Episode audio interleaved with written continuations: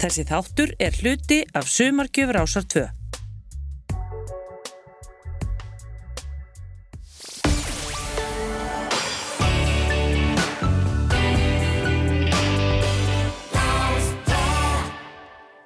Þú ert að lusta Rástvö þennan mánudag á annan í, í Kvítasunni. Ég heiti Mattias Már Magnússon og uh, hér fram að, að sexfréttum er það Bruce Springsteen sem að ræður öllu hér í útvarpi allar landsmanna. Bruce Springsteen og ég heitir þessi þáttur. Það er að koma ný plata sem að heitir Western Stars. Fyrsta soloplata Springsteen í 14 ár. Hún kemur út núna á förstu daginn þann 14 uh, júni og þau lög sem við höfum fengið heyra af þessari blödu hljóma mjög vel og, og ég og, og allir henni Springsteen aðdándur eflaust uh, mjög spendir. Ég fæ heiðu Kristínu Helgadóttur fyrir hann alþingismann, hún er Springsteen aðdándi Janus Braga Jakobsson, kveikmyndagerðamann og Jóhann Ágúst Jóhansson Frankværtastur á Íslensku tónlistavellununa uh, til þess að spjalla við mig um Bruce Springsteen og mæra stjóran aðeins og það er vel við hæfi að byrja þetta Springsteen spjall á uh, doktori í, í popmusík og popfræðum Arnar Gert uh, Tóratsen sem að vil svo heppilega til að, að er harður Springsteen maður líka. Velkomin. Takk fyrir. Um, ég ætla að spurja alla gæsti mína í dag Arnar áður við, við förum og förum í þetta mál, Bruce Springsteen þennan stóramann, risastóramann mm -hmm. hvað er það við hann? er fyrsta spurning til allra í dag hvað er það við Bruce Springsteen? og vilt að ég svari því? Já Núna. sko, fyrir þig sko já, fyrir mig, já. hvað er það við hennar mann? sko, ég kynnist honum því í tí ára, ég fættur 74 Uh, sem, uh, þú veist, heyri bara þessi útvarpslögurunni hérna, bara borðin í USA borðin í USA og þú veist, það verið hérna Dancing in the Dark eitthvað aðeins á undan og Glory Days og svona hress lög mm -hmm. og þetta er bara í útvarpinu og hérna ég strax einhvern veginn bara er hrifin á honum og hvað getur það verið? Getur það verið, ég veit ekki hvernig það lítur út, hvernig hann brosir er það nafnið, veist, mér fannst þetta bara spennandi, er, er það eitthvað svona föðurlegt, hann er fættur sama ár og, og faði minn heitinn sko, þú veist, hvaðan koma þessi tengingar, af því mér finnst þetta mjög góð spurning, að, hérna, að þetta er í rauninu ekki að útskýra með orðum hvernig þú dregst í rauninu að ákveðnum manni, en hann verður bara minn maður og ég nefni það sérstaklega hér hann hefur alltaf verið minn maður af því það var hleyið mikið að Springsteen á tímabili en ég stóð með mínum manni í gennum þygt og þund, takk kjallaði fyrir ég keipti Lucky Town og Human Touch samvisku samlega Já. og hef, hef alltaf sínt þessu manni virðingu, þannig að já, það er bara eitthvað og ég meina maður á sína uppáhalds tónlistamenn alls konar og hann er bara einn af þeim. Bara það er ykkur galdur þarna og ég er mjög áhuga samur og, og bara mjög hrifin að þessu manni. Já, nákvæmlega og, og, og það er ég einnig, hérna Arnar, við ætlum að við ætlum að reyna að krifja hana eins og krifja dálæti þitt og, og mitt og uh, þessara, þessara gæsta minna hérna í, í dag. Og ég bað alla gæstina um að velja sér tvær plötur mm. og svona 23 löga hverju plötun þannig að við getum svona staðsett hann og, og þessar blötur og svona hvar þið voru þegar þið voru að hlusta þessar, þessar blötur og uh, hvaða blötur valdur? Ég valdi hérna blötuna Nebraska sem kom út 82 Mm -hmm. og blötuna Darkness on the Edge of Town sem kom út 78 Já, bæði plötur sem ég keipti eftir á Einmitt. fyrsta platan sem ég keipti var bara Born, Born in the USA það var bara það sem var í gangi sko. já, já en síðan svona fer maður að kynna sér mál og, og svona fer aðeins aftur á bak. Já, nákvæmlega. Og hann, hann sko um, eins og við fengum okkur kaffi hérna áður við fórum hérna inn í, inn í stúdíu og, og e, sko þegar ég heyri fyrst í Springsteen sem barn og úlingur og þá einhvern veginn er hann bara uh, einhver svona amerísk rockstjarnar einhver, einhver kall með gítar sem heitir Bruce mm og hann spilar bara svona amerísk rock'n'roll og mjög svona uh, einhæft. Einhvern veginn en þú veist gott, ég finnst þetta skemmtilegt alveg. En einhvern veginn svona, þetta er bara svona þetta er ekki bara einhver Bon Jovi. Já. eða þú veist, eða, eða, þú veist eh, ekki það að það sé eitthvað að Bon Jovi sko. hérna, en svo einhvern veginn uh, er einhver gamall frændi að mér minnir alveg örglega sem einhvern veginn kemur river á mig mm og þá svona, herri, já það er meira þarna. -hmm. og svo er Nebraska og Darkness og, Mhm, og, mhm. og hann er, hann er marglaga. Já, algjörlega, einmitt. Þetta er svona, og eins og þú lýsir sko lögin kannski einmitt einföld og sérstaklega maður heyrir þau strípu sko, en það er svona ekkert ósvipa á Bob Dylan sko, þar sem sko lægið er bara, þú veist, þetta er eitthvað þryggja rock sko, en það er allt hitt Já. sem hérna við erum að heillast af sko Já. og hérna og ég vildi einmitt koma Nebraska hér að sem er mikið svona, mikið rætt plata og, og svona hún hefur farið gegnum alls konar hérna tímabil upp á sko hvernig fólk er að taka henni Mhm. Og ég er auðvitað á þessu tímabili því ég er að byrja að kaupa plötur 88, 89, þá er ég 14, 15, 16 ára. Og mjög mikið að kaupa sko punk og post-punk og, og er mikið í nýbylgjunni. Það er aðalmálið sko. Síðan er ég að hugsa, já, byttu sem sé ég þessa plötu, það fyrsta sem ég tek eftir í Nebraska er bara umslægið Já. sem er eitt bara þunglindislegasta umslæg sem ég sé. Já, það er mjög Já, og umslægi rammar fullkomlega inn e, umfjallanar enn á plötunni. Ég kaupi þessa plötu, ég man ekki lengur hvort einhver hefði sagt mér eitthvað eða, eða hvort ég ætti að tjekka á þessu. Ég ætla hann að kaupi plötuna og setja hana á og þá kemur þetta, þú veist, rödd og kassagítar eins og þessi tekið upp bara einhver einu herbergi og miklir svona, svona, svona skuggar og mjög strípað yfir sko og það sem hjálpaði líka ég átti sko vídeospólu með hérna með hérna sko, myndbandum Bruce Springsteen þá er eitt myndband við lag sem heitir Atlantic City af þessari plötu og það er mjög svona svart hvít og mjög svona listrænt Já. þannig að mín tenging er dálítið þessi sko, hann gætt líka verið svona já, já. á einhvern hátt sko síðan sko setna heyri maður að Will Oldham er að nefna þessa plötu og fleiri sko Mhm. og síðan bara hlusta þessa plötu og, og þetta er að þeim árum, maður er svo ungur maður er ekki með neitt samhengi, sko. þetta er bara plata sem rúlar Já.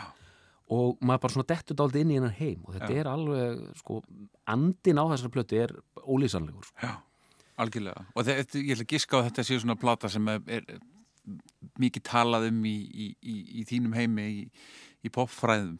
Já, mjög mikið sko og þetta er líka þegar menn sem vilja vera dálítið svalir og, og vilja kannski ekki alveg gangast við því að þeir sé að hlusta á Tunnel of Love og hérna Bonnie USA þá er að læga að nefna þetta sko þetta er, þetta er, hlustar á country, já, ég hlusta á Johnny Cash Já, já, og, hana, hvað finnst þér um Springsteen? Já, Nebraska, það er cool plata sko. Já, já, já. og þetta er þetta plata sem hefur verið saga þessar plötur er þetta alveg ótrúlega sko ég meina að River kemur út 1980 Mhm. sem er svona stór plata og allt í gangi og bandið á fullu og þú veist, Born in the USA kemur út 84 Einmitt. og þetta er hann að milli spil þar sem bara lögin gengu ekki upp með bandinu og hann, á, veist, hann ákveður að gera þetta svona og mér finnst algjörlega ótrúlegt að maður sem er að mála hjá CBS einu stærsta útgáfafyrirtæki heims hafi í rauninu komist upp með það að segja nei, ég vil gefa út þessa fjara rása upptökur Já, já, já. og þeir bara gera það Já, og platan virkar þetta er Mhm. alveg sko hún bara virkar en ég, ég, ég get ekki sko, ég, ég hvorki fyrirni síðar að menn hafi komist upp með svona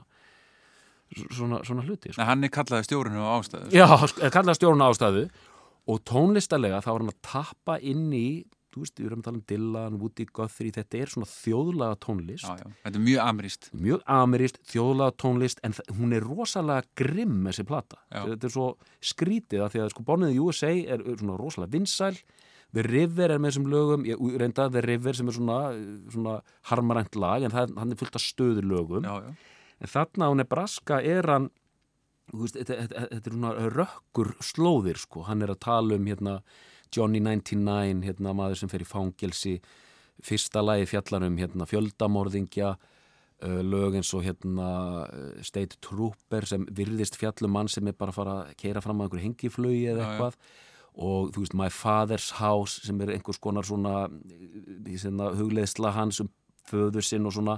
Þetta er rosalega þung plata og bara já, og þetta er svona, það er alveg sama hversu oft ég set hann á, ég er alltaf jafn, jafn hugfangin af, af, af þessari plut Hann, hann, hann uh, tóða mann til sín. gjössamlega sko og, og, og, og síðan er hann að lag eh, hérna mm, hérna Hæfi Patrólmann og fyrir me- menn sem eiga bræður, ég á hérna einn yngri bróður sko að það er rosalega hjartnæmt lag sko, hann er að tala um hérna tvo bræður sem svona hérna, þú veist, skvettist eitthvað upp með millið og allt það sko, en það er Nothing feels better than blood on blood er hérna einsetningin hann sko, og maður er eiginlega svona tárast bara þegar maður hugsa um þetta sko, þannig að þetta er bara já, ég sé, nú er ég komin bérna, nú er hún mjög tilf tilfinning, þetta er orðið að verða mjög tilfinning að þú ekki hjá mér skulum heyra bara þetta bræðralag.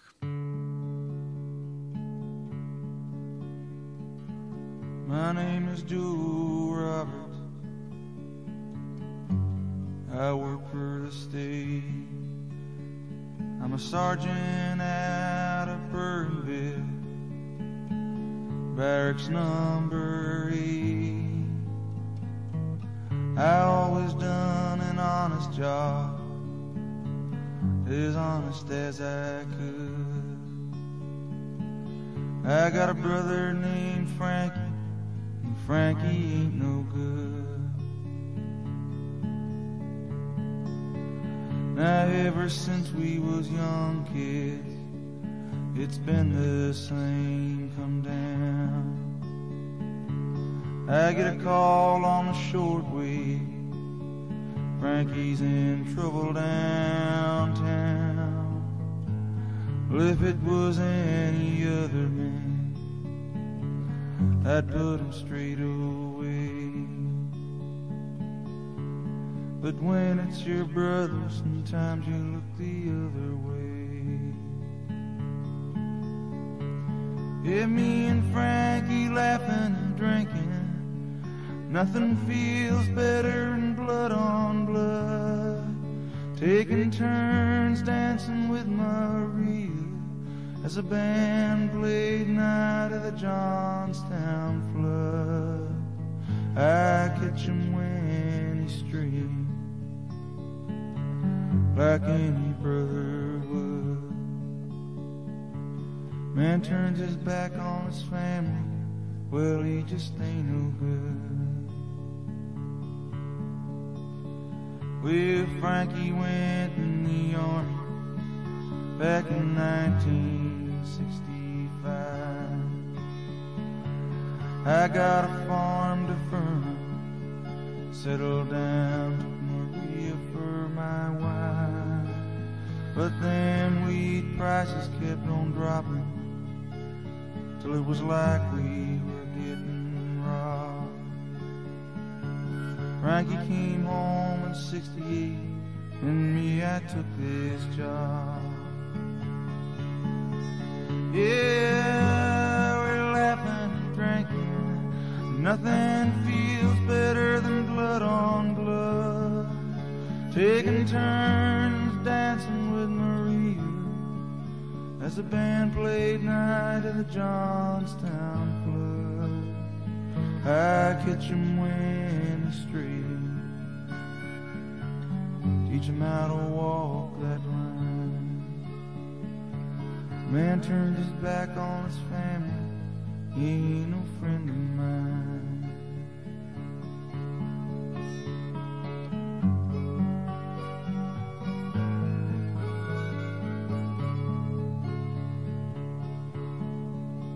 Well, the night was like any other, but I got a call about quarter to nine.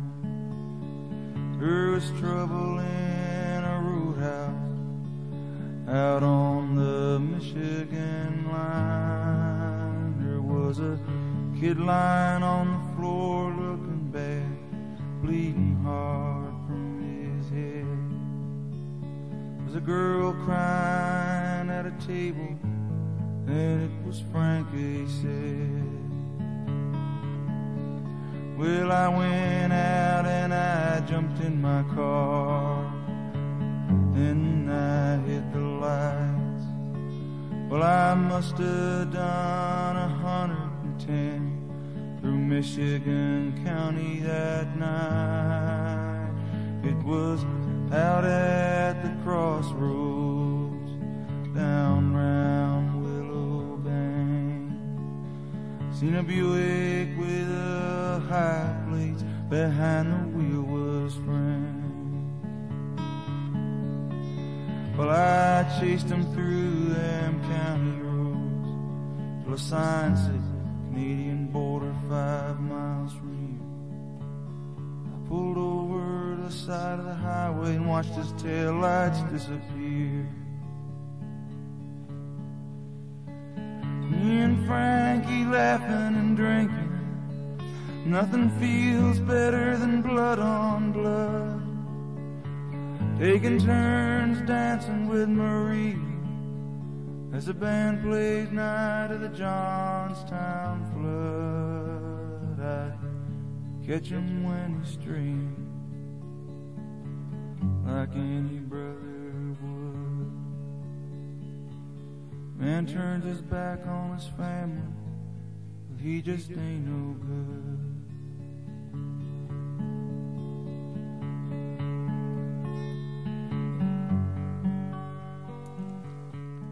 Bruce Springsteen af Nebraska plötunni.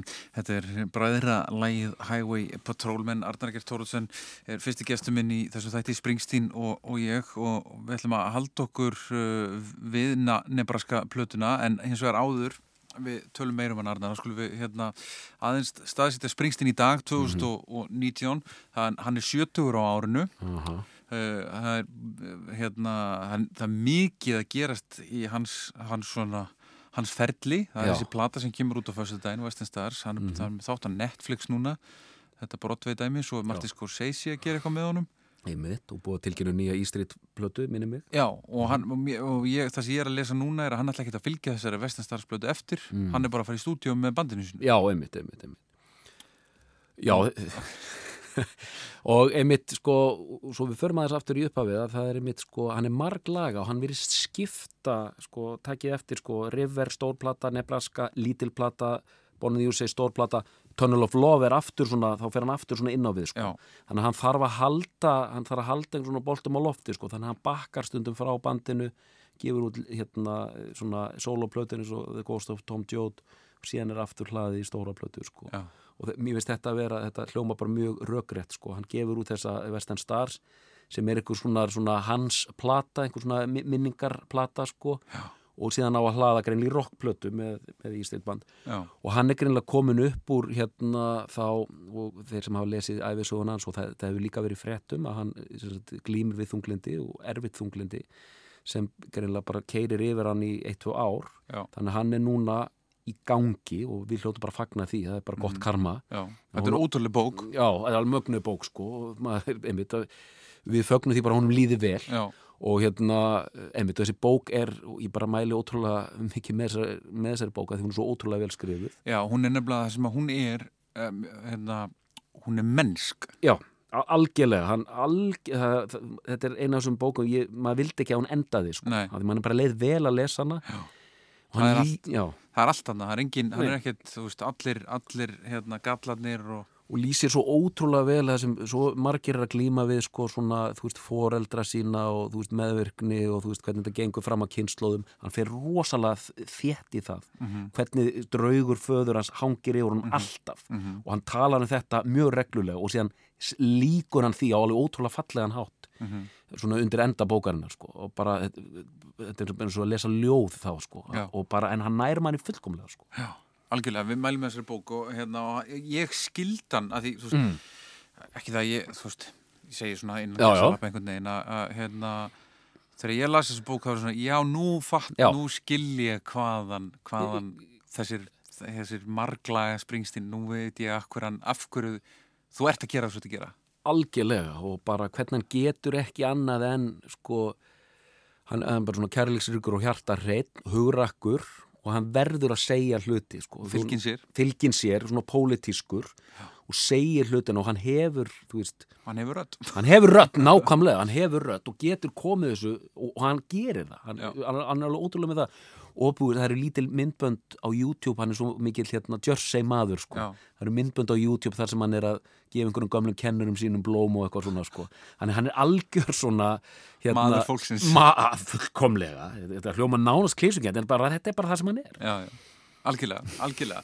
Herðu, aftur að, Nebraska plötunni sem að hérna er svona uh, plata sem ég held ég hlusti oftast á með honum. uh, það er þessi, þessi hérna þríleikur uh, Darkness, River og, og Nebraska sem að hérna, ég, ég heitlast mikið af. Og, og, og sérstaklega Nebraska, hún er einhvern veginn myrkrið talar til mín á þeirri plötu. Nei, nákvæmlega. Uh, hérna, það var mjög fínt að hlusta á hana með ég var að lesa bókina. Já. það er mjög þægilegt sko.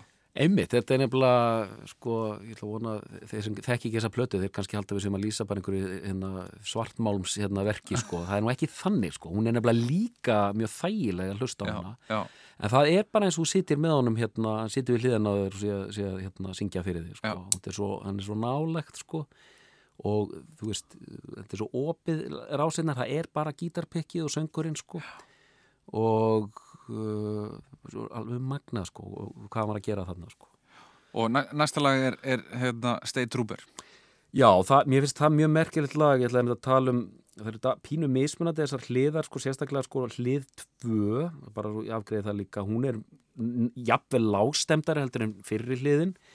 Endar hann að lagi sem heitir Reason to Believe sem er bara ótrúlega flott lag og þetta Mansion on the Hill og My Father's House. Þetta eru bara tíminn stoppar út að hlusta á þetta en hlið 1, þið heyri það hlustendur góður, ég tala í hlið 1 og hlið 2 hlið 1, henn er lokað með þessu lagi State Trooper sem er mjög bara svona aðtiklisvert lag í hans ferðlega því að það er svo rosalega svona minimalist sko, þetta er bara einhverjum einu, tveimu töktum sko.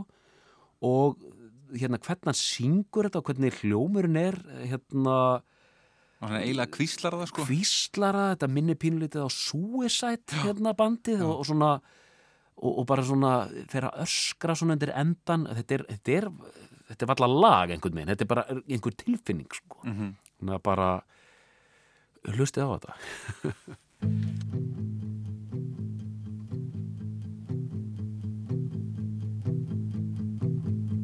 New Jersey Turnpike, riding on a wet night,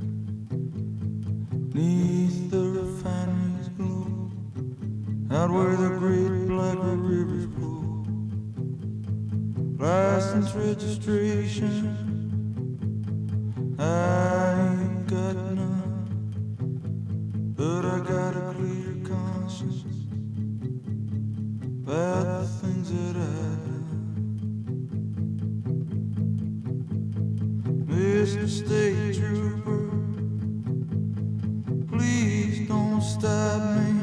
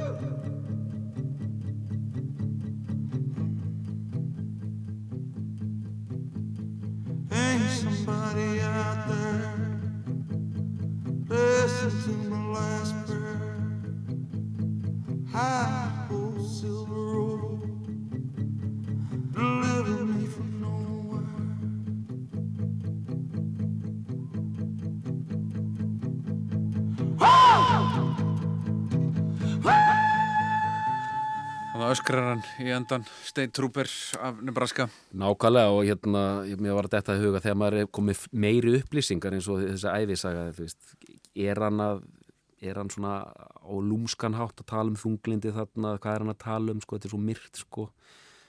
Ég veit það ekki sko, Nei, en þetta er rosalega áhrifaríkt lag sko, já, þetta er í þessum einf einfaldleika sko. Hann, sko, Springsteen búin að vera bara, þú veist, það, eins og segi það er komið plata 2019 þetta, er, þetta er 40 ára ferill og, og svona e- eins og hjá öllum með svona margar plötur og langan feril, mis mistækur og Já, já. svona, hann hefur verið inni og úti og skipt meira máli og skipt minna máli. Sannarlega, en, en hann breytist aldrei. Nei.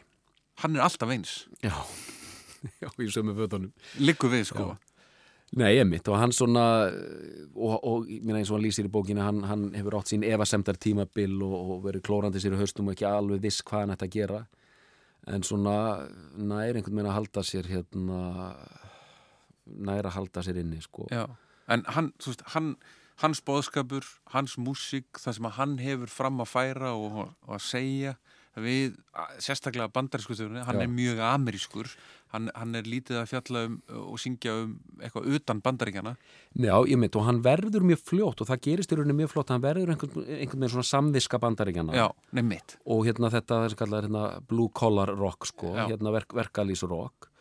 Og talar, getur talað máli og ég menn hann er þetta þaðan sjálfur. Já. hann er að tala máli hérna un undir málsfólks sem hann einhvern veginn, hann heldur þessari línu einmitt allan tíman sko. Já, og það er einhvern veginn hans hlutverk og hann, mér finnst flott hann að tala um ákveðin, ákveðið þjónustu hlutverk sko sem hann hefur já, hann er með þessa hæfileika og hann verður að nýta þá til að hérna gera eitthvað gott sko þannig Já. hann er alveg svona sósialista þýleitunu til já, sko. og það er svo fyndið og sérstaklega hvernig bandaríknir er að þróast í dag að þetta er alveg mjög merkilegt sko að þegar menni svo Springsteen er aldrei mikilvægari og hérna mann finnst þessu svona röddum sé að fækka þarna úti sko Já, já. Eins og segir sko, hann er mjög amerískur en, en líka mjög góð áminningum að Ameríka er þessu margt sniðut og gott og flott þarna sko. Nákvæmlega Arnar, ég er hjartalega sammálaðir um, Þá er að setja platan Seinni plata mín, það er sem sagt uh, Darkness on the Edge of Town. Það er mjög merkileg plata í ferli uh, Springsteen. Uh, Born to Run sem kemur út 75. Það er runni byrjunin á ferli Springsteen. Já. Hérna þessar fyrir tvær plötur, hérna E Street Shuffle og Asbury Park eru allt öðruvísi plötur sko. Og mjög mistækar og, og, og, og skrýtnar í runni. Bruce Springsteen, þessi rockari, hérna Hartland, hérna rockari verður til í rauninni á Born, Born the USA og hann var mjög, nei hérna fyrirgeði, hérna Born to Run og hann er mjög ánað með það plötu, hann svona fann fjölina sína loksins og þá lendir hann í ákveðinu krísurinn eftir það, hérna hvernig ætla ég að fylgja þessu eftir og hann gerir mér að sko tilraun að plötugerð plata sem er kölluð The Promise sem er týnda plata Springsteen. En síðan kemur Darkness on the Edge of Town 78 og þá er þetta pöngið byrjað bæði bandarækjum og Breitlandi og hann er aðeins að vísa í það til dæmis bara hvernig hann, hérna, hann vildi fá svona mjög ráa mynd af sér. Hann, hann lítur út eins og hérna bara nývaknaður hérna þú veist, bara hvernig hann lúkið á honum er hérna framan á plötunni. Og og platan er svona, hún er einhvern veginn, mér finnst hann á þessari plötu hún er myrkari og svona dýpri heldur en í rauninu bóntúran þarna finnst mér þessi Bruce Springsteen sem við erum að tala um og erum búin að vera að tala um verður til í fyrsta skipti. Og svo ég tali nú um mína aðkoma að þessari plötu, ég man að frændi minn var rosa hrifin af þessu og mér fannst einmitt umslæði rosalega flott. Ég keift hana, ég var dálítið hissa því ég byrjaði að hlusta á þetta, mér fannst þetta of mikið þetta var of mikið gamla kallarokk fyrir mig sko. bara þegar platan byrjar hérna úst, pianoið og allt þetta ég bara, ha, er þetta málið sko? Og bara átti svolítið erfitt með þetta. Bara, og þá er ég á sem aldrei sko ég er hérna 18-19 ára ég, ég, gat, ég gat Nebraska en ég átti mjög erfitt með að tyggja þessa. Ég, ég gat bónum því að segja því að ég kynst henni svo ungur. Ég gat Nebraska því ég var nú svo cool en hérna þannig að Darkness on the Edge of Town var hérna einhvers stöður á milli og ég sagði bara, býtu platan hittir Darkness on the Edge of Town. Hvar eru öll þessi nýbylgjulög sem ég vil fá? Ha, býtu, það er bara eitthvað svona píano þetta er bara svo Elton John hérna. Og hérna, og bara svona, hvað er í gangi hérna? Síðan svona, þú veist róar segðins niður og maður, ok, ok, ok. Og eh, þar sem við ætlum að tala kannski aðalega um hérna ég er þetta búin að vaksa mikið inn í þessa plötu og, og, og fatta hvað hann var að gera þarna. Hvað var hann að gera þarna? hvað er hann að gera þarna, einmitt sko, hann er og það eru tvö lög þarna sem eru alveg svona, alveg brotturinn í þessari plötu. Það er titillagið, Darkness on the Edge of Town og sérstaklega Racing in the Street þar sem hann einhvern veginn þar sem hann er að gera þarna verður hann til þetta, hann ljóðskáld Springsteen, sko, hann er að tala lagið eins og Factory sem er að tala um svona hérna, verkamennina. Racing in the Street, það er bara svona ótrúlega flott lag og þú veist, hann, hann sé hann fjallar hann með þetta betur til dæmis á, á The River þar sem hann er að tala um þessa brosnu drauma, veist, vísanir í Vietnamstríðið og hvernig menn hérna koðna niður sem manneskjur og hérna það er þessi setning í reysingarni stríð hérna some of them start to die a little piece by piece þú byrjar að deyja hérna upp úr einhverjum ákveðin aldri little by little, piece by piece þetta er rosalega grimm setning sko og er svona en síðan bara gleymum við þessu öllu og förum bara í kappakstur hérna strætónu sko. Þannig að þarna rýsans það aldrei upp sem bara, vá, þessi maður er að tala um eitthvað sko. Þetta er ekki bara, hei, stöð, rock og roll og romantík og born to run og hérna, þú ert kærastað minn og hérna, ég, þessi rosalega... Ég og bílið minn. Ég og bílið minn og þessi rosalega bjart sínu textar sem voru á born to run. Mm -hmm. Þannig er svona komin svona grimmari tótt sko og ég held að þarna og ég veit til þess þessi plata Darklinson í þetta tán er í miklu uppáldi einmitt já, þetta er svona gaggrinnata platan dálítið sko. Já, þannig að siglir um, um í dýpinu sko. Skulum heyra titilæði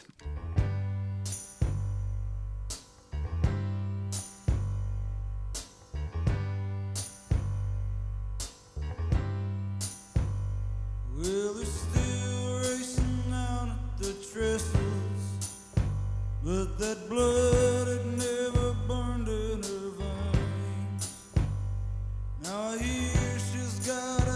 up in Fairview in a style she's trying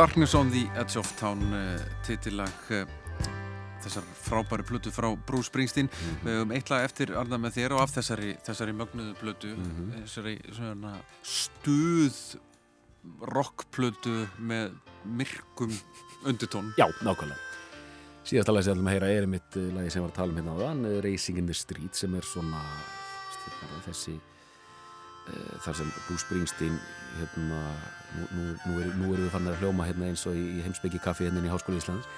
Svona ástand mannsins. Það er það sem hann er að tala um. Hann er að tala um þessa kynnslóð kemur úr Vietnam stríðinu, fólk sem er tínt uh, mæti bara í versmiðun á hverjum degi og hann er, hann er alltaf verið málsvarið þessa fólk sko, þú týndur í lífunu og það er, þú hérna, sér það sér það ekki hérna út og ég meina lagin svo The River það er samt í sýstur hans sem var svona, þú veist bara verkamann og kona og hérna hann svona er svo hrifin af þessu sko. Bara þú veist hvernig við lifum af og hvernig svona þessi reysn hins venjulega manns getur það Já, saltjarðar Saltjarðar, nákvæmlega. Racing in the Street, takk kellega Arnur We only run for the money, got no strings attached. We shut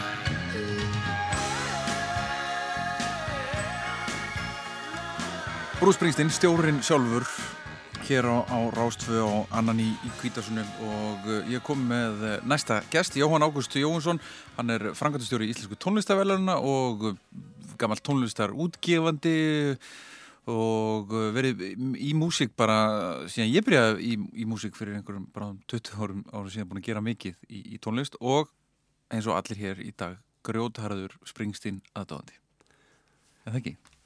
Engi spurning. Engi spurning. Takk fyrir að koma. Já, takk fyrir að bjóða mér. Gefa, gefa þér tími í þetta. Það er, það er alltaf gaman að, að þurfa að grugga aðeins og, og, fara í gegnum einhverja springstínblöður. Það er alveg bara endalus ánægja. Já. Fá að hlusta á, á Bruce Springsteen og, og revja upp hvað það er sem gerir hann svona sérstakon og okkur er maður elskar hann svona mikið. Já, og hvað er það?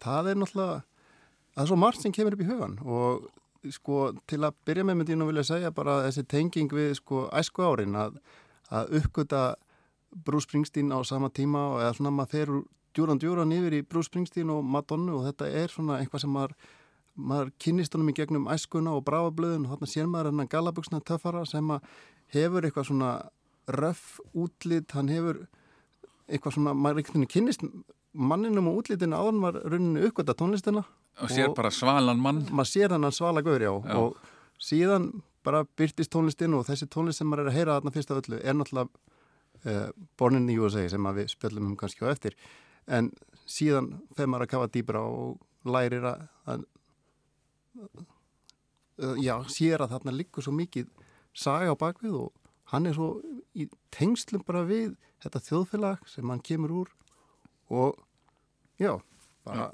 frábær tónlistamæður Algjörlega, algjörlega. Þú vildi byrja á þessu lagi Hungry, Hungry Heart Já, sem er svona smellur. algjör. Hans fyrsti smellur. Já, í raun og veru á hans ferli. Já, sem að kemur, fyrsta lagi sem hann kemur inn á top 10 held að komist í fymta sæti á Billboard. Mm og það er búin að vera sko harka alveg í, í Jersey mjög lengi sko. nákvæmlega. Og sko þegar ég fór svona að rifja upp sögurna í kringum þetta lag þá komst ég að því að þetta hafa svona pælinga þetta lag er því samið það væri, myndi verða fyrir hljóstina Ramóns Já, er það? hann, hann sá hittir Ramóns á sá, sá, sá Ramóns á klubi 1979 og, og þeir spyrja um hvort hann lög mikið á lagi og hann fer heim og semur þetta lag og Já. umbústmaðurnast talar hann raunin af því að láta enn eitt smellin í hendurna okkur um örum og hann Tónguðu þau sjálfur. það upp sjálfur Nákvæmlega. Og þetta er að finna á River. eftir að finna á rifi Já, sem að er eina fyrstu svona plötunum sem að ég svona kafaði í, þú veist, fyrir utan bónuðum í USA og svona stóru plötunas, en þá svona þá er einhver, þá var einhver örglega einhver sko eldri frendi minn sem að sagði, já, fyrst þú fýlar bónuðum í USA, sko, þá er River, sko, hún er miklu betri. Já, þetta er svona plata sem að Bruce Springsteen aðdóndur þeir kunna virkilega vel að meta myndi ég segja og hún, hún sýnir manninni svo víðu samengi, stóru ljósi Já. hann er hann sko, hann er, hann er hann að taka út svona ákveðin þroska líka í að hann ákveður hann að semja um um fólki, sko, fjölskyldurnar Já. hjónabandið Já. og það sem er svona virkilega gerast í, í, í sambandi fólks, ástina og, og líka að vera rock og roller sko. þarna blandast þetta saman sko. Mhm. svona ljúsára ballur og, og síðan bara eitthvað mikið fjör sko. Svo stór og mikil plata, sko. 20 lega plata, veist, þetta er alveg svona, þetta er opus, sko, algjör og hérna, maður þarf alveg tillöp aðinni, sko. já, fyrst er ég hlustað á hana þá voru það bara svona smellinir ég alveg bara, já, vá, þetta er svo mikið ég má svona, það var erfitt að grípa fókusin en, en þarna eru samt lögum svo River og, og Hungry Heart og Já. þetta er Mhm. þetta er dásanlega plata Algjörlega. Uh, setna lagi af, af River. Það er einmitt þarna svona Já, þarna er hann svona að fjalla um, þetta er svona tilvistakreppur lag, um eitthvað sem að er að reyna að finna sig en finnur einhvern tilgang í lífinu. Mhm, leitar og svona hann er reyna að storka örlögunum, vill einhvern veginn upplefa þjáningunni að láta hann stila bíl og vonast til þess að, að hann verði tekinn reynilega og þetta er, þetta er svona það er, svona djúft í þessu lagi mhm, og en það er samt svona fallegt og allt öruvísi heldur en lagi sem við hlustum á hann þetta er svona þetta, er, þetta nær svona inn í það sem maður fyrir sína kannski að gera á, á Nebraska og svona þetta er þetta er svona pínu já, dapulegt lag en, en samt gríðlega fallit. Springsteen, Stolen Car.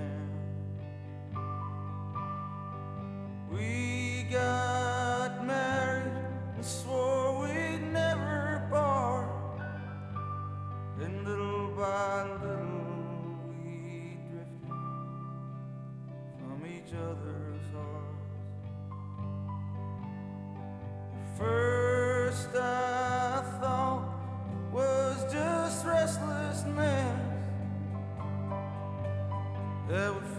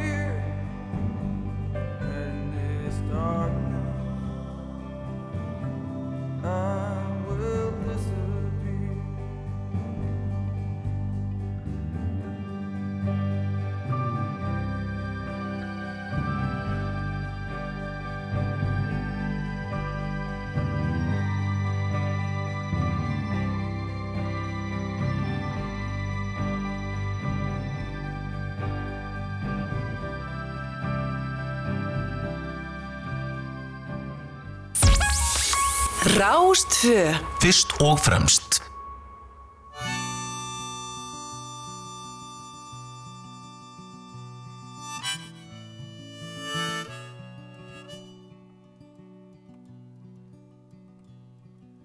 Men walking along the railroad tracks, going someplace and there's no going back.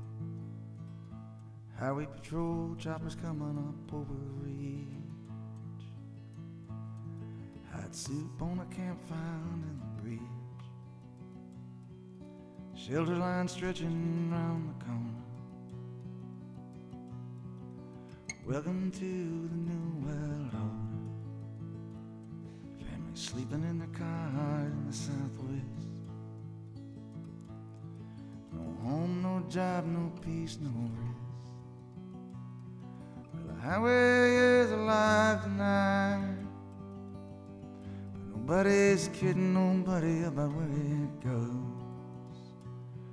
I'm sitting down here in the campfire light. Searching for the ghost of Tom Joe. He pulls a prayer book out of his sleeping bag. Preacher lights up a butt and takes a drag. Waiting for when the last shall be first and the first shall be last. Cardboard box neath the underpass. Got a one-way ticket to the promised land.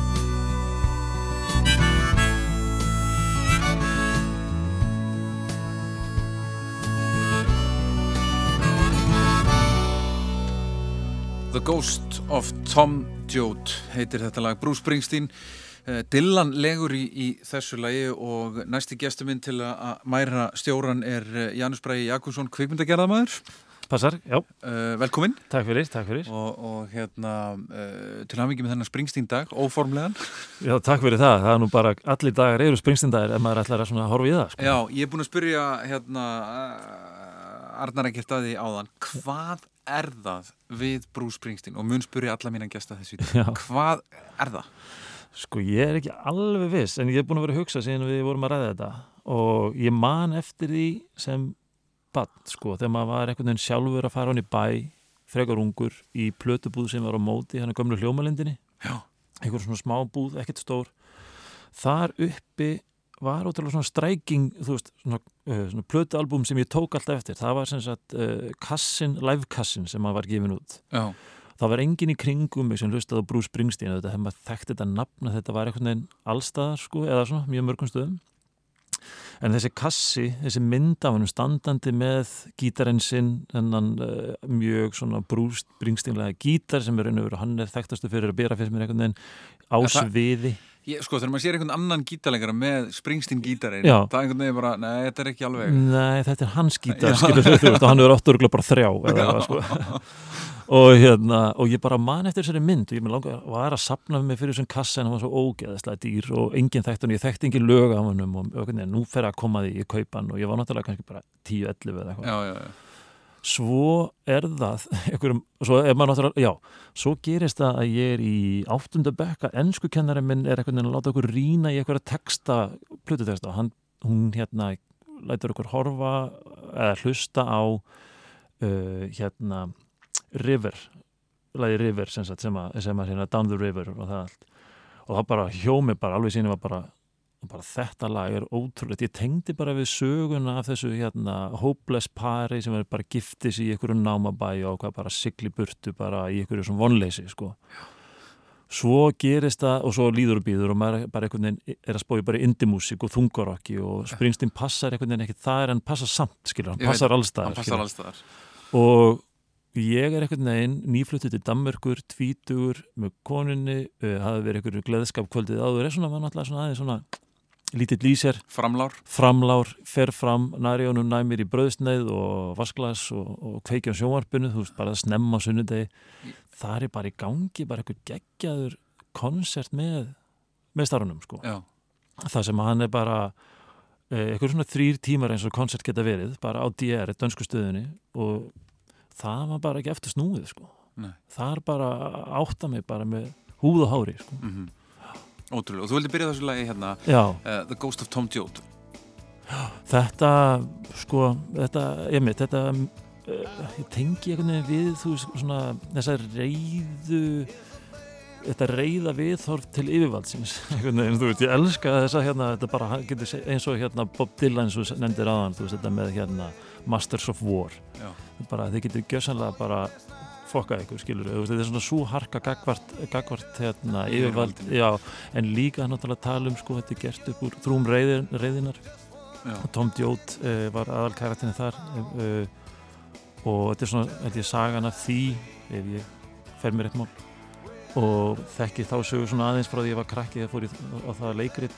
Þannig ég er svona, þú veist, þessi er bara svona saga þessi ímynd af Ameríku þar sem allt er í volli tengi ég stert við sko. já, einmitt og hann, hann er einhvern veginn svona uh, hans tónlist er einhvern veginn svona eh, tónlist bandaríkina síðustu, síðustu 40 ár ég að hljóta að vera bara þeir hljóta allir að geta eitthvað neginn tengt við hann í Ameríku sko. Og hann hefur passað sig á því finnst mér líka veist að vera ekki að útiloka eitthvað ákveðna pólitíska stefnu þó hann sjálfur sé mjög pólitískur og hafi valið að mér finnst einhvern veginn hafa stutt hinn að þessa svona demokratíska hérna, fórsetaframbjöðundur já, þá held ég hann sé ennþá í miklu metum þvert yfir sko. Já, já. Ég- ég trúi ekki að- Nei, það er bara að því að tónlistin er svo góð. Já, já, Nákvæmlega. Og hann segir sögu almúans og, og, og, og þeirra hens vinnandi manns. Já, Herru, ég baði um að velja tvær plötur svo við getum Já. talað þessu þær. Já, ég hérna ég hef alltaf verið svolítið hrifin af þegar maður talar um svona stóra listamenn með svona mikinn katalóg eins og, eins og hann að finna þær plötur svona sem koma út eftir þessa megavelgingni Já, og já, Born to Run kemur út til með 75 og platan þar á eftir Darkness, Darkness of the Edge of Town 70, 78 sko.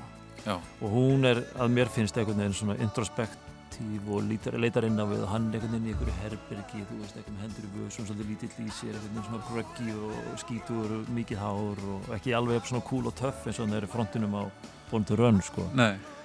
Og svo líða árin og, og plata sem ég er rauninni valdi sko, sem mína svona, þú veist, var er Tunnel of Love sem kemur út 87 sem er eiginlega þessum hérna, þremur árum á eftir Born in the USA og það er henni svona viðbjöðum feeling sko, svipum feeling, þetta er svona þú veist, finnst mér, en það er svona aðeins meira level-headed en hann er bara að fara í gegnum að vera svona fáranlega velgengna sem að vera bara alheimstjarnar Já, nákvæmlega.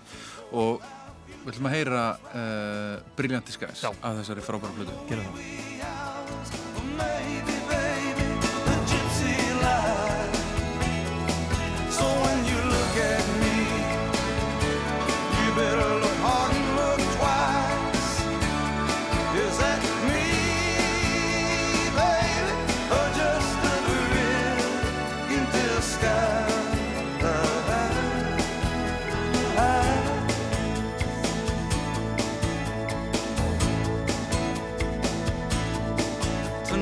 Tonight I bet it's cold, lost in the darkness of our love.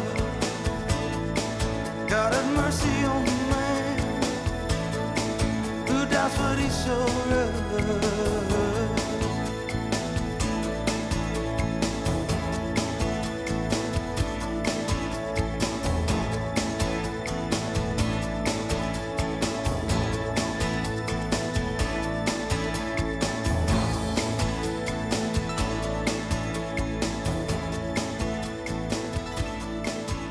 Brilliant Skies Já, syngur, syngur Springsteen af Tunnel of Love. Tunnel of Love, já. Já, þetta er, þetta er, þetta er svona ekki þekktasta platan. Nei, hún er það ekki, en það er alveg smellir, eða svona, það eru svona, þú svona, er svona sem örgulega fólk sem fílar hann og, og, og, og almennt bara þekkir sko, já, þú veist, þetta Brilliant Skies líka er einhvern veginn svona virkar, þetta er svolítið svona ég veit ekki, maður svona tímabundið sound á henni sem einhvern veginn samt hefur risið upp aftur sko, þetta nýjunda áratugs já. hljóðheimur. Hljóðheimur, sniril tróman alveg deng, front of house sko, elska það sko. Þegar hann er komin í það og trómuheilana, Já. þá er ég alveg með sko líka. Segi trómarinn Ég segi já, absolutt sko. það hafa hann með alveg, alveg aftur húða hári sko. líka það sama átt og Bubbi gerir skilur já, nákvæmlega þeir eru, þeir eru svona hérna, þeir eru bræður miklu greinilega já, já, ég gam- ég væri rosa til að heyra Bubba tala um hann sko. já það er ekkert mál að fá Bubba til að tjá sig um Bruce Springsteen sko. já, hann tölum um Bruce Springsteen já, einmitt, trúi því en hérna, uh, viljum að halda okkur við þessu plötu Tunnel of Love, Mhm, mhm. en áður en við, við förum í setnanlegið, Mm. mm. Janus sem þú valdir, hérna, ertu eh, þú, hérna þú kynist honum tvítugur í Danmörku hann er, hann er risanúmer í Skandinavíu Mhm. Svíþjóð, Danmörku og, og, og Noreg sérstaklega í, í, í Svíþjóð Mhm. hann ertu framlár hann einhvern morgun með, með, með vatn og ristabröð Já. og, og, danska ríkið að sína, Já. sí, sína Springsteen á tónleikum og var þetta svona að, að ég kem inn í hann setna líka bara á, þú veist, svipum aldrei og það er einhvern Nebraska, Mhm. einhvern veginn, ég hlusta hann einhvern veginn og bara, og það er bara svona himnanir opnist já, já, alveg saman, það bara læsti sig bara það Já, sko. það er bara, wow, Já. ég bara, nú skil ég þetta allt saman já, og f- svo fór ég gennum allar þessar blöður aftur og einmitt. bara, það, ég skildi hann ég skildi hann, hann var bara þannig einmitt, einmitt, þegar ég heyrði svona Nebraska þá alveg bara já, hann á aðra Já. Annan tón einhvern veginn, skilur að- maður afgreitt hann sem yðnaðar svona en svo aftan eitthvað annað og þennan dutta sem getur gert hluti bara í Sælmberginu sínu mhm, uh, fannst mér alveg trillt. Og svo var ég þeir skæfi aðnjóðandi að komast á tónleika með honum uh, ég man nú ekki alveg nákvæmlega hvaða ár sko, á þessari öld á þessari öld þar sem sko sonur Max Weinberg trommar hans í Street Band spilaði wow. í staðan fyrir pappa sinn já, og engi munur engin munur sko. Nei. og það var bara öll triksin tekin skilu, það bara fyrsta sem heyrðist þegar þau löpuðu svið var bara og svo bara talið í eitthvað hvar, hvar sást það? á í, parkin og var það ekki. Það var stórkostlegt sko. hann, hann hafði okkur mann einhvern veginn alveg í hendi sér heila tónleika þessum við 50.000 manns Já. Þú veist, það bara hann hefur náttúrulega bara ekki gert neitt annað undanferðin 40 ár nei, nei. og þetta bara, maður var bara fannst þér þess að væri bara þú væri Já, einn- bara, það var bara ég og hann Já. vorum bara og ég hérna bara, og ég, við ætlaði bara að fara að fá mig tattoo sko, þá um nóttina sko. það var bara nú bara en bara sem betur fyrr og hérna hættu við við það en það var alveg við það, við færum hópurum bara nú fáum við bara the boss Já, axlina sko. já, nákvæmlega. Og hérna, hann er einmitt the boss. Hann er bara the boss bara. ef hann hefði beðið mig þá hefði ég farið. Já, það ekki? Nákvæmlega. Það eru aftur að, að, að Tunnel of Love og þetta er, þetta er síðasta hérna, síðasta lagið þitt hérna, Janus, takk kærlega fyrir að koma og, og mæra mæra stjóran aðeins. Takk fyrir það sem Western Stars eftir viku og svo nýjum já, ég lakka til. Lægið sem að uh, setna lægið er að þessari blötu er Tougher Than The Rest. Já, það er bara hérna það er bara svona veganæstu sem að teka með sér út í helgina fyrst mér, Já. veginn, eða úr helginni yfir í vinnufjöguna, þú veist það Ég er bara harðar en hinnir Já, bara harðinir, ég þóla þetta bara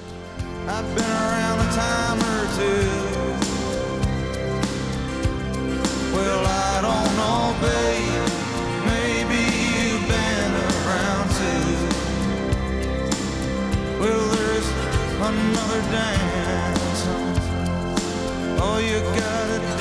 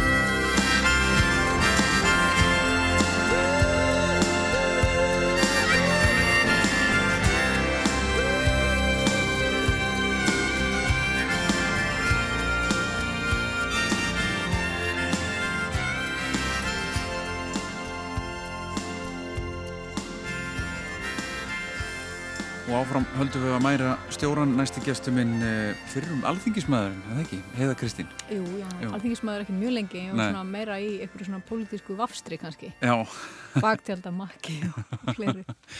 en er þetta ekki svona stærsti fyrrum titillin að bera? það ekki, ætli það ekki, Já, getur verið, jú. Getur verið, já, nákvæmlega. Heldur að Springsteen fara einhvern tímann á þing? Um, ég held ekki, nei, hann er Nei. ekki maður sem að um, þarf að gera það, hann Nei. hefur mjög gott plattform án þess Já. og og veru miklu betra held ég. Einmitt. Og ég held að hann sé ekki mikill maður málamynda. Nei, hann er náttúrulega þetta svona hérna gælunafnans stjórin sko, kemur vegna þess að hann er mjög Stjórn. fastur fyrir og Já. hann er, hann vill vera the boss Já. og hérna ég held að hann myndi ekkit þrýfast vel í einhverju svona diplomatísku líðræðisum hverfi sko en það á hann ekkert að þurfa að gera það. Nei, nei, nei, nei hann, er, hann er kongurinn, hann, hann ræður bara. Já, hann bara En hvað, hvað er það við Bruce Springsteen sem að uh, heilla því svona mikið?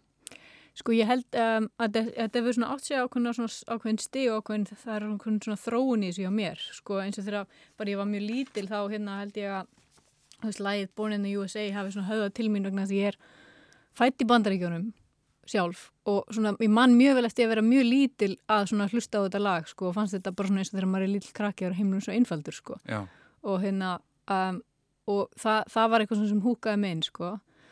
Og svo hefur hann átt svona hann hefur átt svona, hann bara svona fyllt mér í gegnum lífið sem uh, sem ákveðin svona stóð og ég held að svona ást mín álum og dýftin í, í þessari hérna ástriðu minni Gagvart Brús, hún verði alltaf meiri og stærri.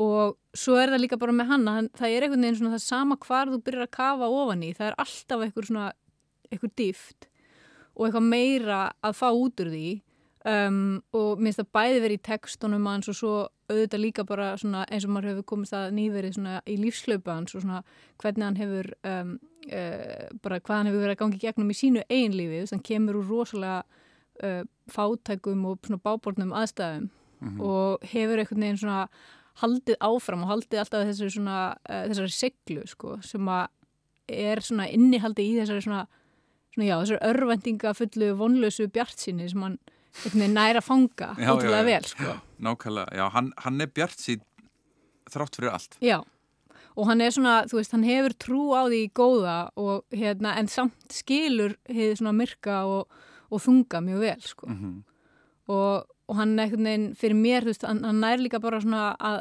að fanga oft svo djúbstæða tilfinningar á mjög einfaldan hátt og mjög fáum orðum, sko, sem að hérna hrýfur mjög og Og svo líka bara svona tónlistar svona heimurinn hans er mjög víður. Ég er rosalega lítill tónlistamæður í mér, skiluru, en ég er bara svona meira stemmingsmanneskja. Já, En mér finnst hann svona, hann næra að brúa svo mörg bil af því sem að mér sjálfur finnst geggjum músik, skilju. Hann næra alveg svona uh, þessum blues uh, áhrifum og einhvern veginn svona, einhverju svona uh, rock áhrifum, skilju, en samt líka svona einhverju soulmusik og, og svo líka getur hann verið oft mjög svona experimental svona innan síns ramma, ég veit hann er kannski ekki mest experimental maður í heimi, hann er ákveðið basic en, en þú veist, en hann tekur líka áhættur sko, sem er Já. mjög skemmtilegt sko. Já, ég meina, hann, þró, hann, er alltaf, hann er alltaf að þróast eitthvað með sin, sitt, sitt hljóðfæri og sinn svona hljóðheim, sko. algjörlega sko. Þannig að hann, hann passa sig að gera ekki bara endalusar bónuði USA-plötur, sko. Nei, nákvæmlega.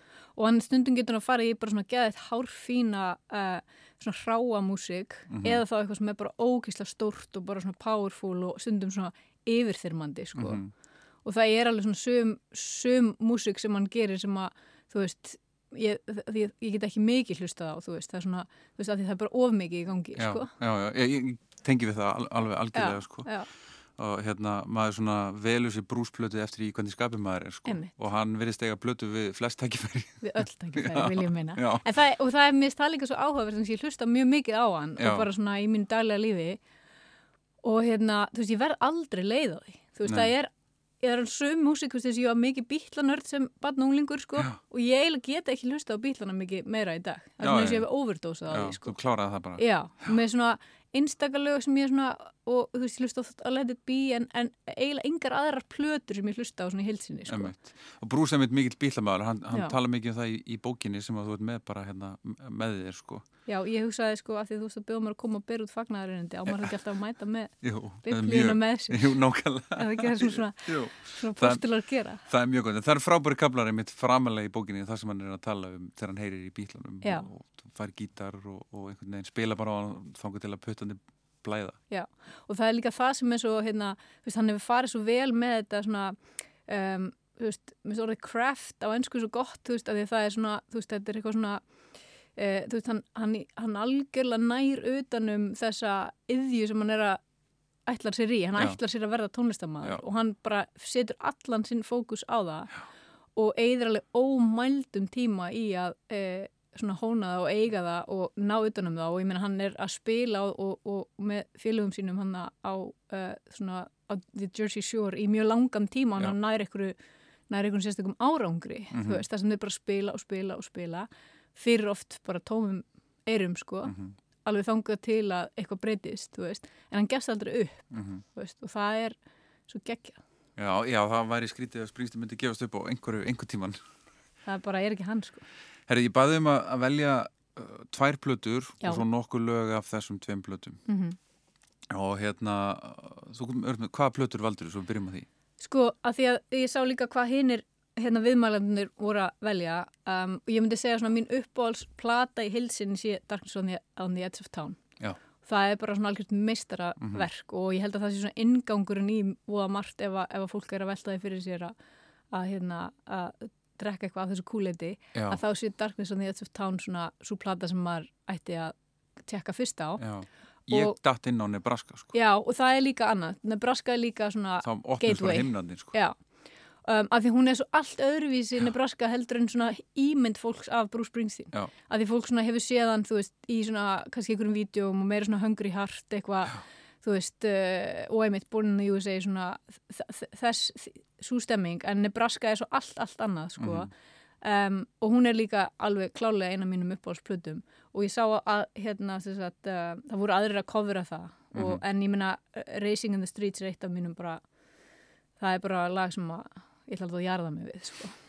og hérna uh, en ég valdi nokkur, ég valdi eitt lag af, af plötunni Tracks sem er svona, á, svona, svona var svona sapn af lögum sem hann hafði verið að vinna í mörg ár eða, eða, eða svona átt í katalóknum sínum sem hann gaf út Rötu ekki á einhverju aðra blötu Já. já. og það er eitt svona lag sem ég held voða mikið upp á sem heitir hérna Sad Eyes um, ég valdi það og svo valdi ég líka plötuna Devils and Dust sem ég vera mjög og það er svona plata sem ég uppgötaði svolítið setna sko Mhm. og hún er hérna svona hún er kannski svona svipaðri til þú veist eins og svona þessi Nebraska feelingur sko Það er 2002 plata eða ekki Já, Hann- nei, nei, nei, hún er 2005 held ég, Já. er það ekki? Jú, Þetta er svona 2005 Írakstríð Já, og þetta er svona Eh, 11. lástendari, já, eh, lástendari plata og, og hérna, og þarna er hann líka svolítið svona glíma við þessa uh, innri djöfla sína, sko, sem er þetta þunglindi sem hann þjáist af og, og hérna hefur tjáð sig mjög, og, hérna, ofinskáttum. Þannig að, hérna, og hún er, einmitt, mér finnst hún svona, það er svona þessi ráleiki svolítið, sko. Já, Og svo valdi ég plötuna The Rising sem að er algjörst mistaraverk, þannig ég valdi svona plötur í kringum aldamótin, sko.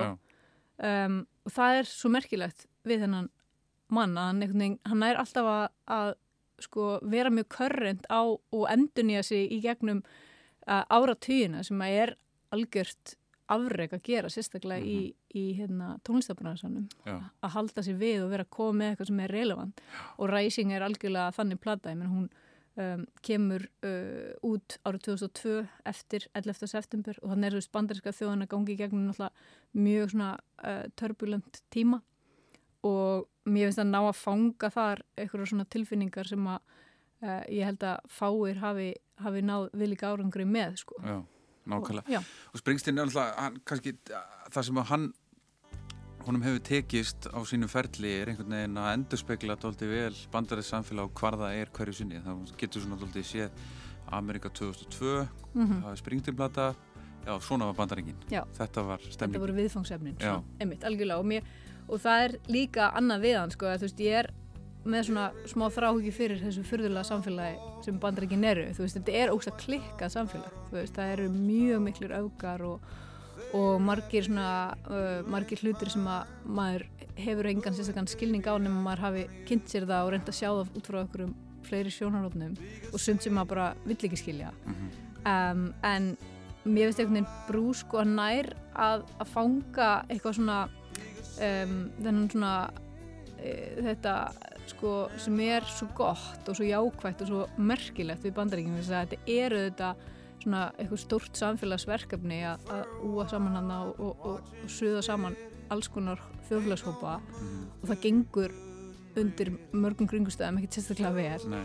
Uh, en þú veist, það hefur ekki ennþá verið borgarastriði hann að síðan uh, fyrir allavega svo, já, 200-300 árum Já. uh, þannig, en þú veist en, 1800 og ég var að horfa á eitthvað ég meina hvað Ken Burns. 1860 og, Já. og 2 eitthvað svona. En veist, þetta, þetta sem er einhvern með ólíkindum sko. Já, en þú veist, að því þetta er alltaf alveg við að gerast. Og Já. ég meina auðvitað á sjötta og sjönda áratögnum, þú veist, var, voru mjög mikil átök og við erum alveg að horfa það í dag að það verða, þú veist, að verða oft svona mjög, að verða svona skærur, þú veist, og, og hérna, uh, á, hérna, hvað er það, uh, óerina sem átti stað í Los Angeles, þú veist, í kringu 1990 eða uh, á þeim tíma, um, þú veist, þetta er alltaf, stendur alltaf ókslega tæft, en þetta hangir einhvern veginn saman á þessari örvendingafullu bjart sínu um að um verði að- allt í lagi Já, þetta verði allt í lagi og Já. þetta sé stórkostlegt, Já. þú veist Já. og best í heimi og geggjað Já. samfélagi að búi, Mhm. þú veist, sem er svo klikkað en samt svo áhugavert mjög Skulum byrja á sapplötunni, Trax plötunni Mhm. uh, og á hvaða lagi viltu byrja á? Það, það er alltaf ég að byrja á þessu Sad Sad Eyes. Sad Eyes, já. sem ég finnst um, mjög svona falleg lýsing á einhverju svona frekar tragísku sambandi það sem að um, það er einhver einstaklingur að tala þarna við ástun sinn sem að veriðist einhvern veginn vera um, þannig að þessi horfin frá honum með svona uh, skleðin farin úr augunum I can say never lie. I can say never lie.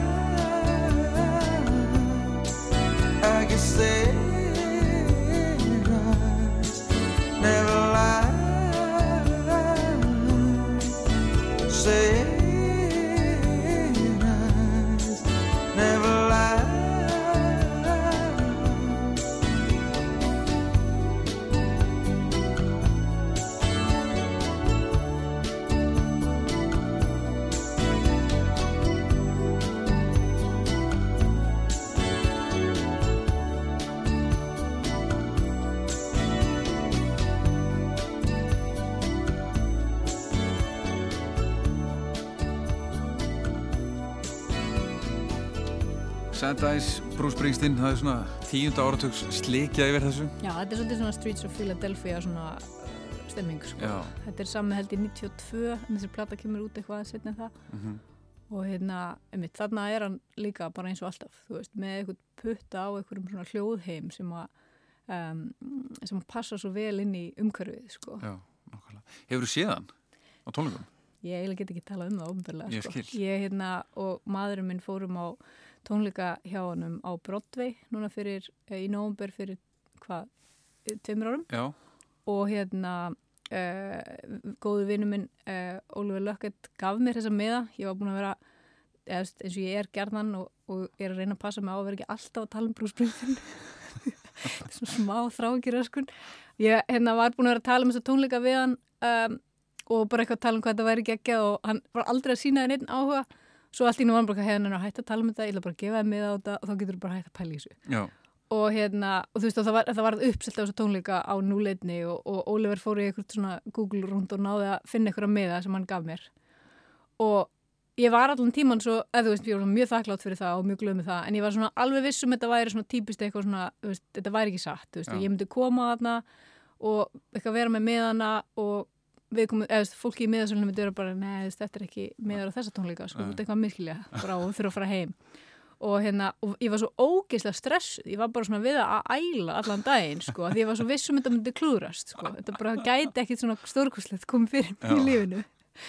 Og þú veist, ég var bara, ég gæti ekki tala og bara var mjög ólík sjálfum mér. Og svo mæti við hana hjónin og, og þú veist, alveg þannig að ég var sest í sæti var ég alveg vissum að eitthvað myndi koma og vera bara hefði fyrirgeðu, þetta eru falsaði meðar, getur þú vinsalast farið?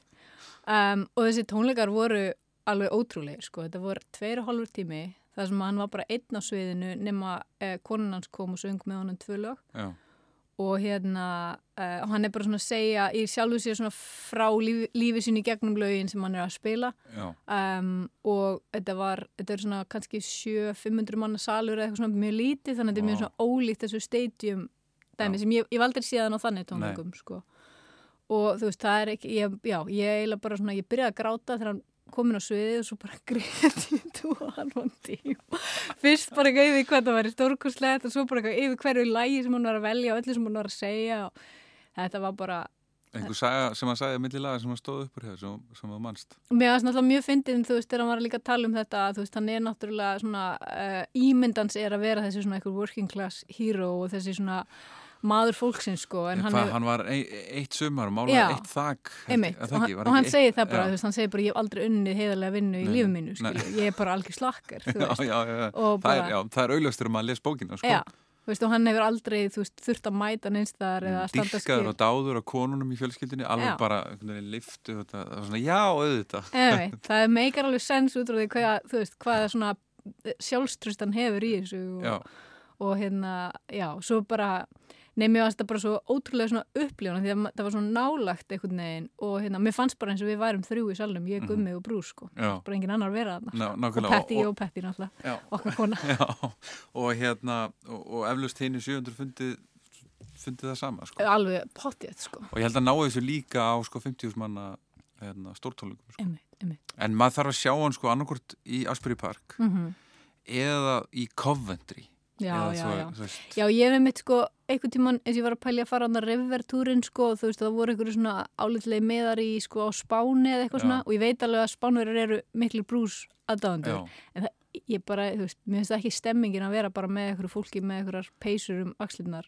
nei, að en svo fíla er, brú, víst, sko. svo er víst sko, er hann mjög sterkur í Svíþjóð og það er víst alveg svona best brús í Evrópu á maður vist að sjá í Svíþjóð það Ok. okay. verður allt vittlust Já, ég veit hann á alveg mjög stert following þar og í Brasili og svona líka. já, Þannig að hérna, en ég, ef ég færa svona stadium tour, þá myndi ég helst vilja fara bara eitthvað staðar í New Jersey eða eitthvað svo leið, sko. já, akkurat við skulum heyra setnanlega þetta Trax-plötunni Já, nei, það er sko, þetta setnalega er af hérna uh, Devils and Dust. það er að ekki? Devils and Dust, jú, jú og það er Var það titileg, ekki? Jú, jú, Já, jú, já. nákvæmlega þannig er, er Springsteen 2005 Og hérna, og við mitt, þetta er svona, uh, ef að fólk fílar Nebraska, þá held ég að þetta sé líka plata sem fólk ætti að gefa, hérna, gefa góðan séns.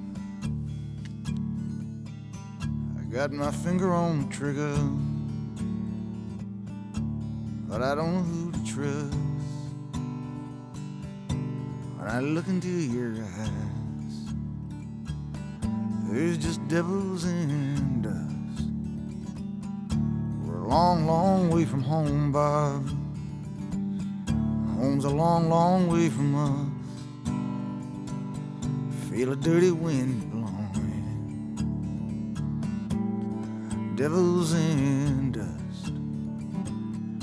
But I got God on my side, and I'm just trying to survive. What if what you do to survive kills the things you love? Fear's a powerful thing, can turn your heart black, you can trust. It'll take a God-filled soul filled with devils and dust.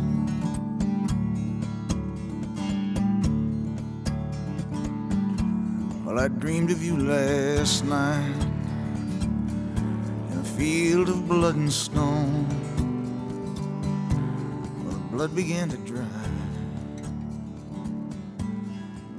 Ég er sammálaðir to hérna. þetta er, hérna Nebraska svona tvö Já, dálítið. algjörlega, og mér finnst líka bara, þú veist, þessi texti eitthvað svo ótrúlega magnaður, sko. mm. þú veist, hann er náttúrulega bara að tala um skilur þú veist, óttan og, og þú veist, þetta myrkur sem að, þú veist, allir hafa innra með sér, þú veist, og, og, og svona, svo líka þetta svona, ef að, hérna, ef að það færi að ná yfir, ráð, yfir tökunum, sko, hvað, hérna, hvað það gerir í staðin, þú veist, það bara fyllir sálina af djöflum og, og reiki, sko, þessi geggur pæling. Herru, þú varst að tala um tónleikana sem fórst í á, með honum á, á broti, svo fórstu í heimabæin í Pílagrinsfjörð Já, svo fórum við hjónin og leiðum okkur bandarískan bíl og kerðum til New Jersey. Já, og fórum í Freehold sem er bæri sem hann fættist í og ólst upp í. Og hérna og em- skildur þú músíkina þá? Já, þú veist, ég skildi þetta líka bara svona frá annari hlið, skilur, Mhm. bara eins og til dæmis, þú veist, þessi bæri er svona, sem við fórum ekki búin að vera þarna nefnir í svona tíu myndur og þá vor, var eitthvað svona fólk út á götu, sko, svona háfað að rífast, alveg mökk ölvað, klukkan svona tólfum daginn, skilur, þú veist, bara svona algjört Jersey dæmi. Já, og líka, þú veist, þetta er svo ótrúlega fátæklegt og, en samt svo lítill heimur sem að, þú veist, hann lýsir svo fallega í þessari bók, var bara svona hvað hann, þú veist, í raun og veru hann var ólst upp í mjög eins og ég segi, svona fát, já, var bara miklu fátækt en samt ótrúlega svona vendu umhverfi þú veist, Já. það sem var bara svona mjög sterk fjölskyldubönd og, og hérna algjörlega mitt ædoliseraðar af konunum í, í kringum sig reyna, sko. Og vil halda utanum hann að því, að því leitin til já. samt alltaf ógslag sérstakar aðstæður, sko. En, en sko, fö, en, en sko föður, fadir hans og, og, og mennindir í fjölskyldinu voru eh, verri. Voru allir brotnir einhvern veginn og svona, að mitt pappas mjög geðvigur kom í ljós og setna sko. en svona ótrúlega mikið þingsl og, og, og hérna myrkur í kringum þann mannverðist þeirra sko. Um, en jú, það var alveg stórkurslegt að koma þangað sko. og svo fórum við líka í Asbury Park og, og hérna. Og vorum svona að meta aðstæður sko, að því við erum að spá að því nú er hann að verða 70 náttúrulega í september. og við erum mikið búin að vera að veltaði fyrir okkur hjónin hvað við erum að gera þessu tilöfni sko. og hérna uh, þetta er náttúrulega stórstund í Já. lífi hvers maður heldur betur. Og við vorum með eitthvað svona pælingum að þú veist reyna að halda eitthvað svona tónleika sko en þú veist það myndi bara ekki gera honum, þú veist, nú hátt undir höfði sko, þannig að við erum að veltaði fyrir okkur að fara bara til Jersey sko og mögulega bara vera í þess að ég, hann er svona maður, hann er ekki að fara að fara eitthvað til Ítali og hanga þar eitthvað með fjölskyldunni skilur þegar hann verður sýttur Nei, hann er bara að fara að hendi ykkur að surprise tónleika sko. steikúsi sitt á hodnin ábyggla og Já, og svo ætla hann hendur í tónleika skilur, og þá ætla ég að vera þar. Já. Þannig að maður bara svona fara og meta stöður og vera alltaf að freyfa fyrir þú sér getur sko. sett teppið niður núna já. og hérna, já, þannig að mér finnst þetta náttúrulega bara mjög stór stund og velti ég fyrir mér bara hvað þessi ríkismiðl hérna ætlar að gera í tilöfna þessari merku stund Já, við erum að hita upp núna Er það ekki? Jú, jú, Þetta þessu núna, þætti. hvítasunninni og þessu mun ljúka svo hann ekkert um aðvendinu En talandi um það, núna á, á föstudaginn, 14. júni, kemur út þessi, þessi fyrsta sóloplata hans í 14 ár, Western Stars. Mhm.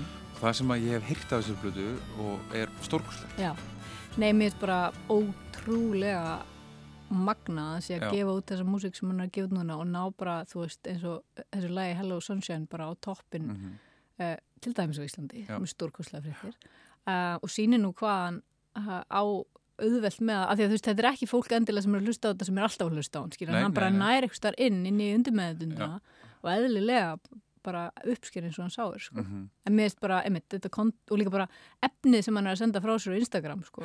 Mér langar Já. bara að deila hver einustu mynd aftur, sko. Ég reyna að hemja mig, sko. Glæsilega myndir Já, og, hérna, og það er allt rétt við þetta, þetta er allt saman, þú veist, hann er í réttu buksunum og réttu skónum og rétta hann er bara, hann og, líður svo ókislega vel út líka. já, já, Eitthvað er hann að gera rétt. já, það er gott að hafa pening. Já, það hjálpar, sko. Hann er ennþá að reykja, sko, ég heyrði það í þessu vittali sem hann var í, hérna, þessu podcasti við Mark Maran, sko. Já, einmitt. En minna, hann verður að, þú veist, hann, hann hefur aldrei drukkið mikil dæmis, það hefur ekki verið, Nei. allavega eins og hann lýsir í bókinum, byrja hann til dæmis ekki að drekka, verður hann eitthvað svona 21 ás eða eitthvað, en hann verður að fá að hafa eitthvað. sko. Já, já, Ha. uh, herru, næsta plata, næsta lag, Já, það er hérna- það er The Rising, ekki satt? Jú, þetta kom mér á óvart, sko. Já. En þetta er líka svolítið svona setna tíma uh, dæmi sem ég áttaði mig á, sko, uh, svona setna á, á lífsleðinni, bara hvað þetta, þessi Rising plata er í raun og veru risastór og það eru mörg svona mjög sterk lögarna.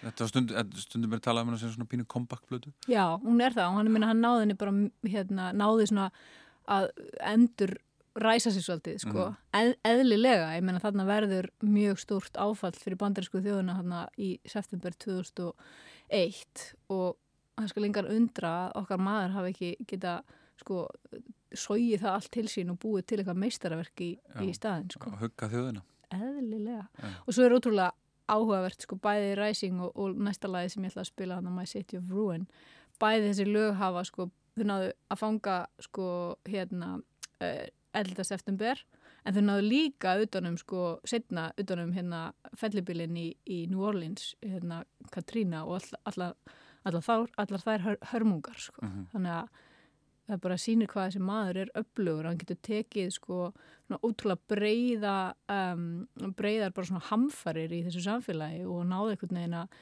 búa til úr því einhverja list þar sem að fólk finnur trú, von og, kærleik sko. Mhm, Algjörlega. Og viljum að heyra titleið? Já, Rising. Rising. Can't see nothing in front of me.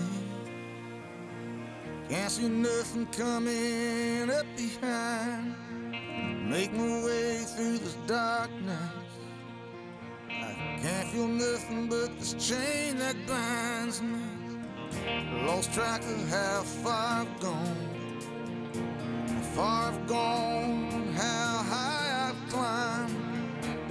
Back's a 60 pound stone. On my shoulder, half mile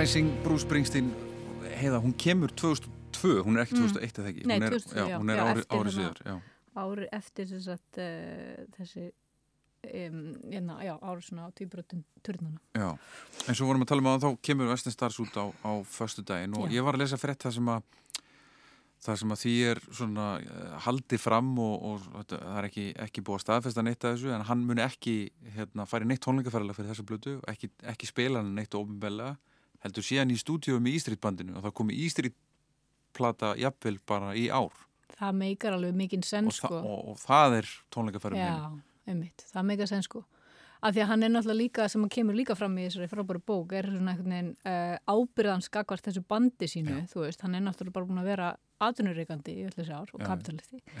Þannig að hérna, uh, hann er náttúrulega ekkit að fara að fara okkur túr bara fyrir sig sjálfan, sko. Hann Nei. ætlar að taka túr hann með vinnum sínum sem er örgulega búin að eyða öllum sínum peningum frá síðasta túr og skapa einhver verðmæti fyrir félaga sína, sko. Já, Þetta er náttúrulega bara svona þessi maður. já, nákvæmlega Hann er nákvæmlega. okkar besti maður. Hann er okkar besti maður, ég, ég get tekið undir það, hann hérna, hefur huggað mig og komið mér í stuð og vakið mig á mótnana og hjálpað mér að sopna og, og Nákvæmlega. bílferðir og, Já. Og, hérna, og fengið mér til þess að hugsa um hluti sem að ég hef aldrei gert það sko. Nákvæmlega. Hann er útrúlegur sko. hann er það sko og svo, þú veist, er líka einhvern veginn bara hvað hann hefur svona mikið vald á þú veist, ennskriði tungu og bara hugarheimi eh, hugarheiminu sem hægt er að skapa úr ótrúlega fáum orðum er mjög magnað sko Mhm. og þessi bók er ótrúlega vel skrifuð Já, hún er og, mjög vel skrifuð. þú veist, eins og til dæmis hérna bara á þessari síðu þar sem hann er að tala um hérna, Rising sko, svo ég leiði mér nú að lesa vitna beint í höfundin sko, hann segir hérna þegar hann tala um hérna uh, þessa uh, tvíbroturnana og, og, og bara svona allt sem gerist í kjölfara því, hann segir hérna death og hann er aðalega að tala um sko þú veist þessar hetjur sem náttúrulega hlupu hann inn í turnana og, og að reyna að bjarga fólki hann segir hér, death along with, its, along with all its anger, pain and loss opens a window of possibility for the living It removes the veil that the ordinary gently drapes over our eyes. Renewed signs, uh, uh, renewed sight uh, is the hero last loving gift to those left behind. Sko. Mhm. Hann er bara, ég fæ gæsa á sko. Við skulum láta þetta vera lokaður en síðasta lagi sem að Heiða Kristín valdi fyrir, fyrir okkur í, í þessum springstinu og ég þætti er hvaða lag? Það er lagið uh, My City of Ruins sem er uppalega samið um hans heima uh, svæði, hérna Asbury Park um, og það er náttúrulega að tala um hnignun þeirra borgar sko og sem er líka svo áhugavert bara svona konsept, þú veist, þannig að tekur hann eitthvað sem er bara hvernig, þú veist, uh, þessi borgarsamfélag breytust og, og, og hérna í raun og veru fór í gegnum mjög mikla hnignun mörg þeirra, þú veist, eftir að yðnaður þar kvarf og, og alls konar svoleiðis uh, vandamál sem að koma í kjölfyrir á því, en svo bara er þetta svo stórt lag að það átti alveg vel við um það sem gerist í New York og svo áttu það líka við um hérna, það sem gerist svo eftir fellubilin í New Orleans hérna nokkrum márum setna uh, og ég mæli sérstaklega með því að, ef fólk hérna vil horfa Bruce Springsteen video á, á YouTube að fara og skoða flutninga á þessu lagi í New Orleans eftir fellubilin 2005 held ég að hafa verið. Uh, það sem hann er að syngja þetta lag og það sem hann er sko að öskra á fólk bara að rise up sko. Það er svo geggjað. Og þetta er svona lag sem að ef ég þarf að peppa mig í gang og er í ykkur sjálfsvorkun sko þá hlusta ég á Bruce og, og rísu upp bara það er ekkit annað eftir Takk hjálpa fyrir að koma.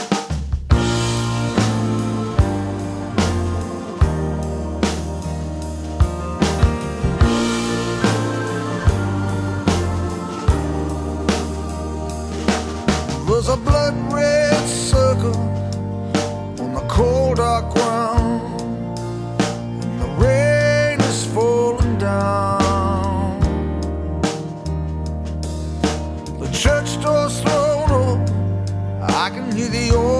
song the congregation's gone. My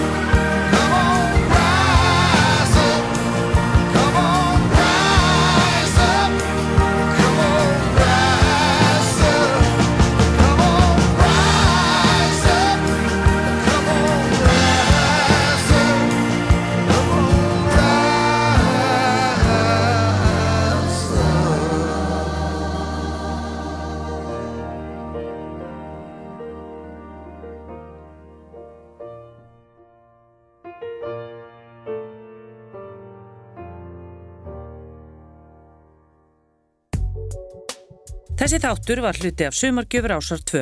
Þú getur nálgast fleiri þætti úr safnir ásar 2 í spilaranum á rúf.is, í rúf appinu fyrir snjaltæki og öllum helstu hlaðvarp sveitum.